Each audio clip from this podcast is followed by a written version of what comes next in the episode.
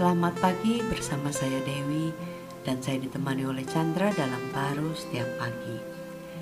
Kita kan ingin oh, hidup dengan uh, keadaan di surga gitu kan, hidup seperti di surga.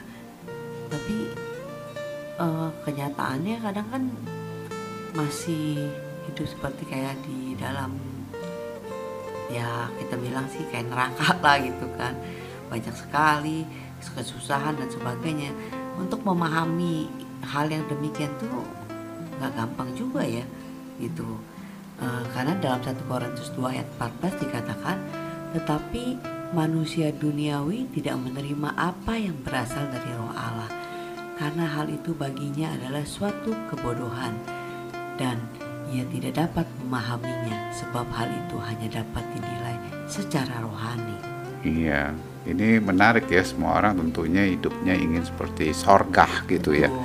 Dinamakan sorga itu seperti apa sih sebenarnya kan? Kalau kita lihat pertama kali Adam dan Hawa itu memang Tuhan ingin mereka hidupnya seperti di Taman Eden itu sorga kan? Betul, gak Enak. ada apa kesa apa kesusahan lah kali mungkin ya.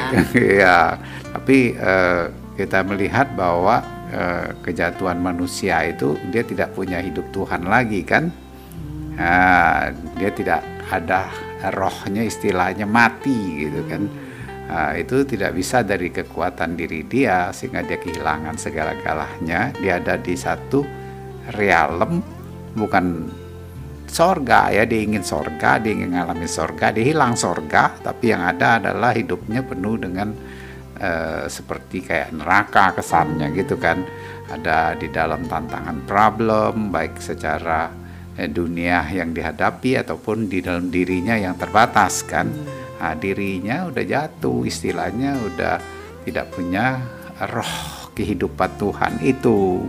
Nah, sehingga ya dia uh, tidak bisa lagi memiliki pemahaman uh, pada Tuhan di dalam surga. Iya. Walaupun uh, masih di dunia. Walaupun di dunia ini kan, nah, maka itu Tuhan uh, dalam rupa manusia, ya kan? Tapi dia bukan manusia, dia manusia yang memiliki Roh Tuhan kan, Kristus itu. Hmm.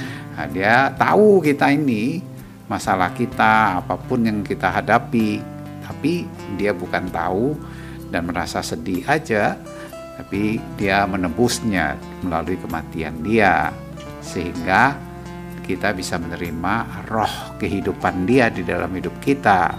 Nah, sebenarnya kembali lagi ya, yang kita, kita bilang sorga itu karena hidupnya Tuhan dalam kita. Hmm, jadi tidak bisa dinilai secara jasmani, iya kan? Iya, kalau kita nilai secara jasmani ya terbatas sekali ya kan ada aja problem-problem kita nunggu problem selesai baru bisa ngalami uh, hidupnya sorga. Enggak hidup sorga itu hidup Tuhan yang ada di dalam kita di mana kita sebagai rumah dia kan? Dia tinggal di dalam hidup kita kan?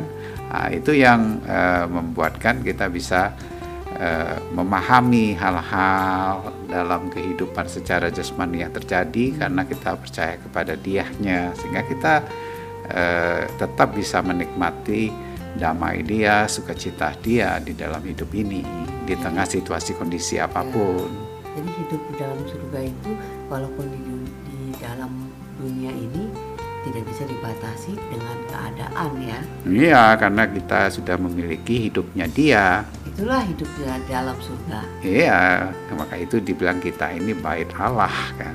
Dia tinggal dalam hidup kita. Amin. Amin.